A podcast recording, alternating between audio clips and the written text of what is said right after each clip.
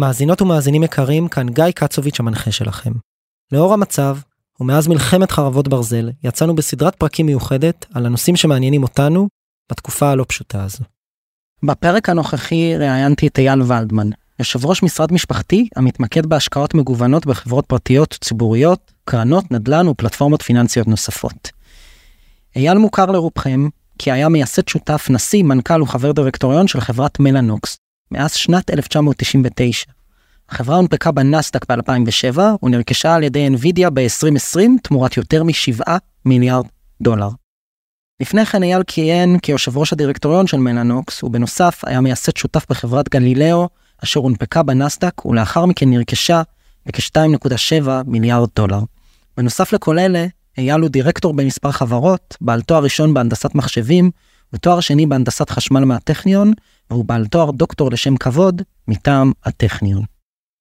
גם היום, במציאות של אחרי אירועי השביעי באוקטובר, בהם איבד את בתו דניאל ובן זוגה נועם, שנסו לחגוג עם חברים במסיבת הטבע ברעים ונרצחו על ידי פעילי חמאס, מאמין אייל שהשלום היא עדיין הדרך היחידה.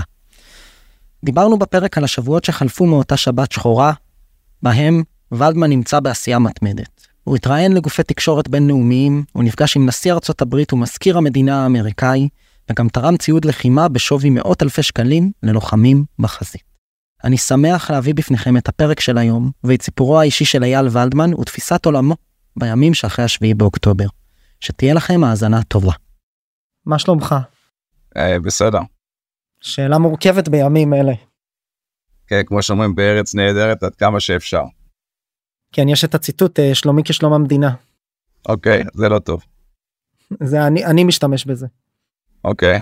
תראה, אני חושב שצריך להפריד את המדינה הזאת לכמה חלקים, אני חושב שהצבא עובד מדהים, עובד יעיל, אה, וכל אה, כוחות הביטחון שלנו אחרי שלושה ימים מהעשירי לאוקטובר מתפקדים יפה, אני חושב שהממשלה זה ביזיון אחד גדול, אני חושב שהעם מדהים, אין מילה אחרת, גם בהירתמות שלו וגם בתרומות שלו.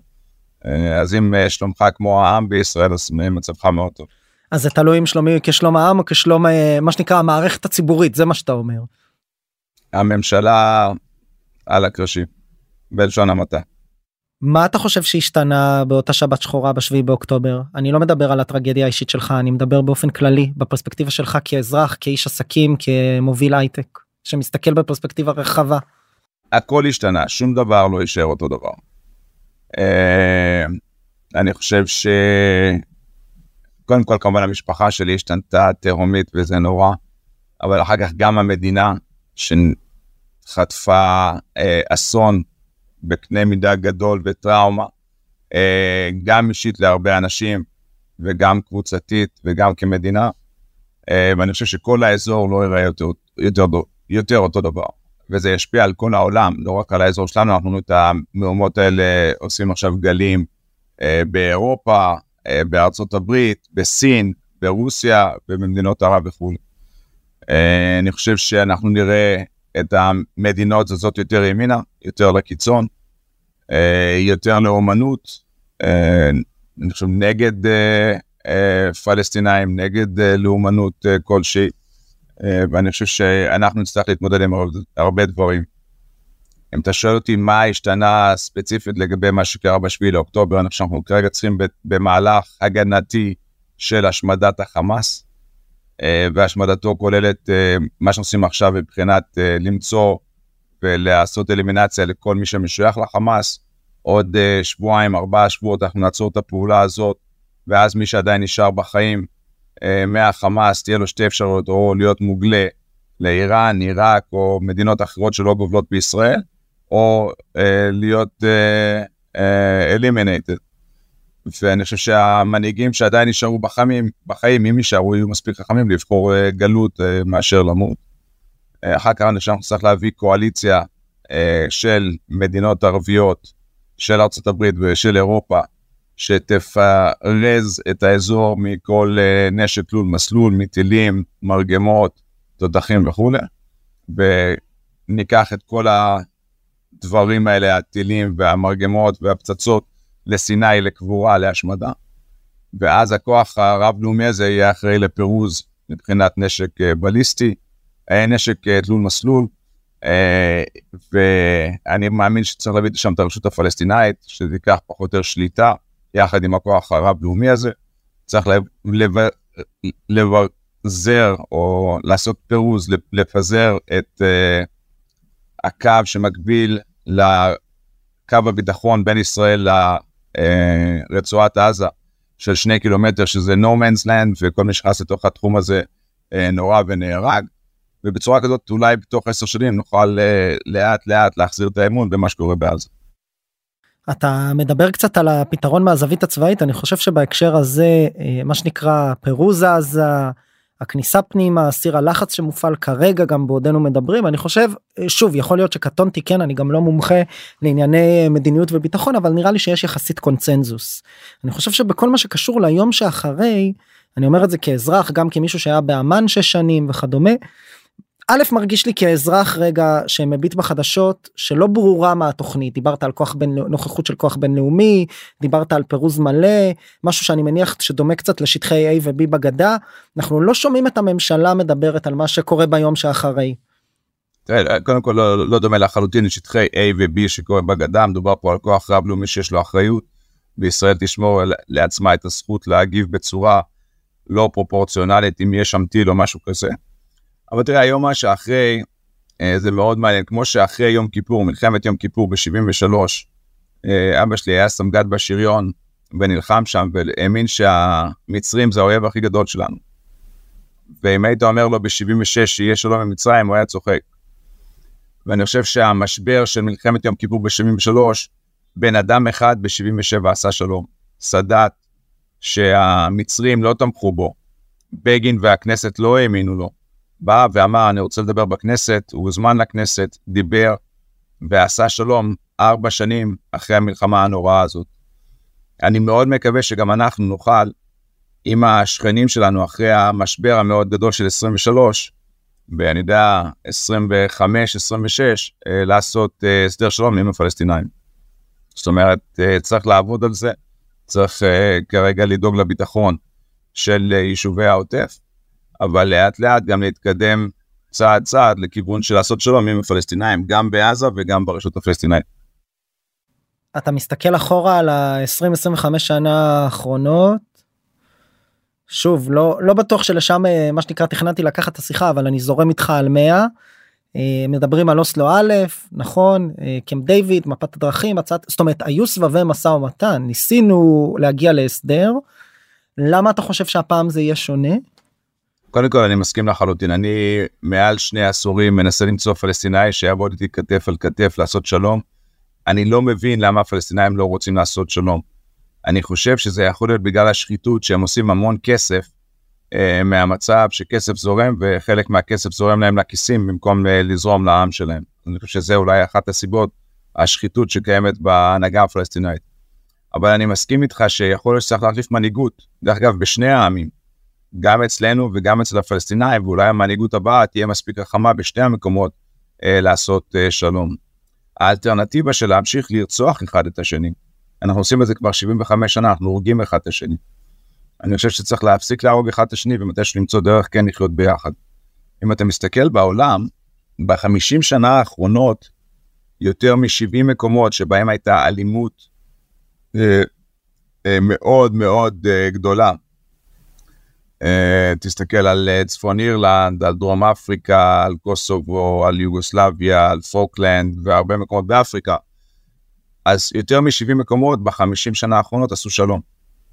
ורק אנחנו ממשיכים להרוג אחד את השני, ואני לא חושב שזה כל כך חכם, אנחנו צריכים להיות יותר חכמים משני הצדדים, להפסיק את ההרג המיותר הזה ולמצוא דרך לעבוד בסינרגיה בין שני העמים ולעשות uh, את המקום הזה המקום הכי טוב לחיות בו בארץ. אם אתה מסתכל טיפה בפרספקטיבה אחרת, שאלו אותי אם אני רוצה לעשות סרט על דניאל. אמרתי להם, אני לא רוצה לעשות סרט עצוב. ואז התחלתי לחשוב מה כן אפשר לעשות, ואני חושב שאפשר לעשות תרבות אחת, התרבות הישראלית, שמהגן אתה לומד בלט וריקוד ומוזיקה וספרים ומדע ומתקדם ועושה פרויקטים וספרות וכולי. אתה מסתכל בצד השני שמהגן יש להם מחזות של הרג יהודים ו... אה, רציחה ועריפת ראשים, ואתה רואה בגן משחקים נבושים בשחור עם אה, צעצועי נשק וכולי, ואחר כך הולכים למחנות אימונים, אם זה באיראן, אם זה בעזה, במקומות כאלה, ולומדים אותם לרצוח ולשנוא ולהשמיד, ועל זה הם גדלים. ובסוף הייתה התנגשות בשביעי באוקטובר בין שתי התרבויות, תרבות אחת של ריקוד, אהבה, מוזיקה, אה, טבע, סייאנס, מדע וכולי, לבין תרבות של שנאה, של הרג, של רצח, של נקמה. וההתנגשות הזאת של בשביעי באוקטובר הביאו אותנו לשביעי. כרגע צריך לנסות לשנות את מערכת, תשתית מערכת החינוך בעזה, ובכלל בעולם הפלסטיני, ואולי גם בעולם הערבי, של לבוא ולשנות את זה מה שהם חושבים היום, ליותר צורה מערבית, ליותר אה, מה שקורה במדינות אה, מפותחות ומדינות דמוקרטיות. אני רוצה לשלב את התגובה שלי אם, אם יורשה לי כי בסופו של דבר זה אזור רגיש ולהגיד שני דברים שאמרו פה שני מרואיינים בפודקאסט. אחד זה צבי האוזר לשעבר מזכיר הממשלה ויושב ראש ועדת חוץ וביטחון עשה סיקור ביטחוני אמר שלא נעז אה, לנסות לשלוט למשל במערכת הביוב או במערכת החינוך בעזה אמר וצחק או לעג לממשלה שלנו אמר את, שלה, את שלנו אנחנו לא מנהלים כמו שצריך ננהל את של העזתים. ופה אני משלים ממה שאמר יזהר שי שהתראיין ישב פה במקום שלך בדיוק אה, והתראיין ודיבר על אה, בנו ירון זיכרונו לברכה ואמר אין מדינה יש אזרחים באמת הוא חווה גם כמשפחה שכולה וגם דיבר על חוויות אה, היקפיות. אה, אני אין דרך אחרת לתאר את זה דיבר קצת על אוזל את היד של המדינה בסדר גם בסיטואציה שבה הם נמצאים וגם בסיטואציות אחרות שהוא מכיר. כמה אתה באמת חושב שזה ריאלי שנוכל להכניס את, את ידינו את אה, ובעמל כפינו לשנות אה, מערכת שלמה ותרבות שלמה של של בסוף של עם אחר כן. אתה מדבר של מה שקורה בעזה. בוודאי. לא אנחנו לא צריכים להיות אלה שעושים את זה. זה לא התפקיד שלנו זה לא אנחנו צריכים לעשות את זה. אני חושב שהקואליציה של מדינות ערב עם ארצות הברית ועם אירופה ואולי עם הרשות הפלסטינית זה התפקיד שלהם. אה, אנחנו לא מסוגלים לעשות את זה, אנחנו לא יכולים לעשות את זה, גם אף אחד לא יקבל את זה. אתה יודע, ישבתי עם, אה, בזמן האחרון עם uh, הרבה שגרירים וחברי פרלמנט אירופאים ונציגים אמריקאים, פגשתי גם את ביידן וגם את בלינקן. Uh, הם לוקחים את מה שאנחנו אומרים בקמצוץ uh, של אמת, או של קורטוב של מלח, קורטוב של מלח. קורטוב של אמת. כן. אבל אה, הם, הם, אה, אם הם יקבלו את זה מצד שלישי, אז יראו את זה אחרת. או הם יבואו חכם ואני חושב שאנחנו צריכים במקרה הזה, לא אנחנו לעשות את זה ישירות, אנחנו יכולים לעבוד ולשתף פעולה עם הקואליציה הערבית הזאת והמדינות אירופה וארצות הברית, אבל לא אנחנו צריכים להיות אלה שמובילים את זה, אנחנו כן צריכים להיות שם ברמה של uh, לפחות לנסות להשפיע על מה אנחנו רוצים שיקרה שם, אבל זה לא האחריות שלנו.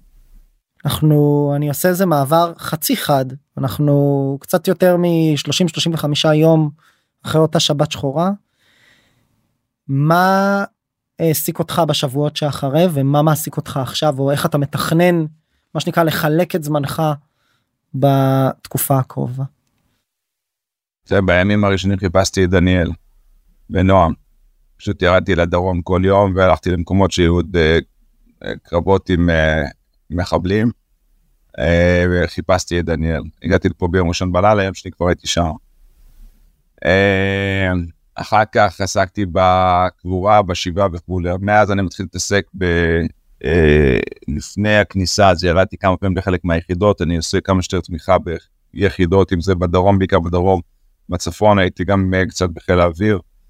אה, ואני מנסה לראות וכמה אני יכול לעזור לכל המקומות האלה, אני תורם הרבה, אה, זה נשמע קצת עצוב, מצחיק, שאני תורם אמצעי לחימה לחבר'ה של אגוז מילואים, של אלכסנדרוני, לחטיבת גולני עצמה. הסדירה. אני תורם, הסדירה. במאות אלפי שקלים, הרבה מאות אלפי שקלים, אה, ציוד כזה, וקניתי גם אה, תיקי רופאים עם מלא ציוד לרופא, 20 כאלה לעוטף עזה. אה, בקיצור, מה שהמדינה צריכה לעשות ולדאוג, אתה רואה פה הירתמות של אנשים פרטיים שלדעתי הביאו מאות מיליוני דולרים כדי באמת לתת אמצעי לחימה לחיילי צה"ל ואמצעי הגנה אה, למקומות אחרים ועוד דברים נוספים. אני חושב שהממשלה הזאת זה ביזיון אחד גדול אם אתה רואה שהתקציבים עדיין רבים על תקציבים שילכו למורים או להגדלת uh, משכורות המורים החרדים מה שדרעי אמר פשוט אה, ביזיון אחד גדול. ואנחנו צריכים אה, ללכת ובצורה מאוד החלטית להחליף את הממשלה הנוכחית בממשלה הרבה יותר נורמלית, הרבה יותר הגיונית, שדואגת למדינה, שדואגת לצבא ודואגת שזה לא יקרה יותר אף פעם. אתה מדבר אני בטוח גם אה, ציינת את זה קצת. ציינת את בלינקן זרקת כמה שמות אני בטוח שאתה מדבר גם עם אה, חבריך מההייטק. יש דיבור כבר על איך אנחנו מוציאים את עצמנו מהבוץ הזה מהיום שאחרי אני אני ארחיב פה בשלושה משפטים ברשותך אייל. הרי המלחמה הזו היא זה גם יזהר אמר היא הסופה המושלמת המילה מושלמת היא לא מילה טובה אבל היא הסופה הסערה המושלמת שקרתה לנו אחרי כמעט שנה של אה, תהפוכות פוליטיות וכמעט מלחמת אזרחים או, או משהו שנקרא מאבק חברתי מאוד גדול פה בארץ לא משנה באיזה צד פוליטי אתה. ברקע יש גם מיתון עולמי וכולנו תוהים איך אה, מפה בכלל נוכל לחזור לשגרת חירום אם בכלל ו, ו, ולתמוך בחלקת האדמה הקטנה שלנו ב, גם במדינת ישראל כמו שאתה ורבים אחרים עושים כשאתם תורמים אבל גם בכלכלה הישראלית. זה בשיח בכלל אתם אתם שם יש מחשבות. כן אנחנו בהחלט שמה ואני מדבר עם לא מעט אה, חברות הייטק אה, שלדעתי מה הם צריכים לעשות אני בתור מנכ"ל של ממלוך סברתי שלושה מבצעים בעזה. בעת מלחמת לבנון השנייה.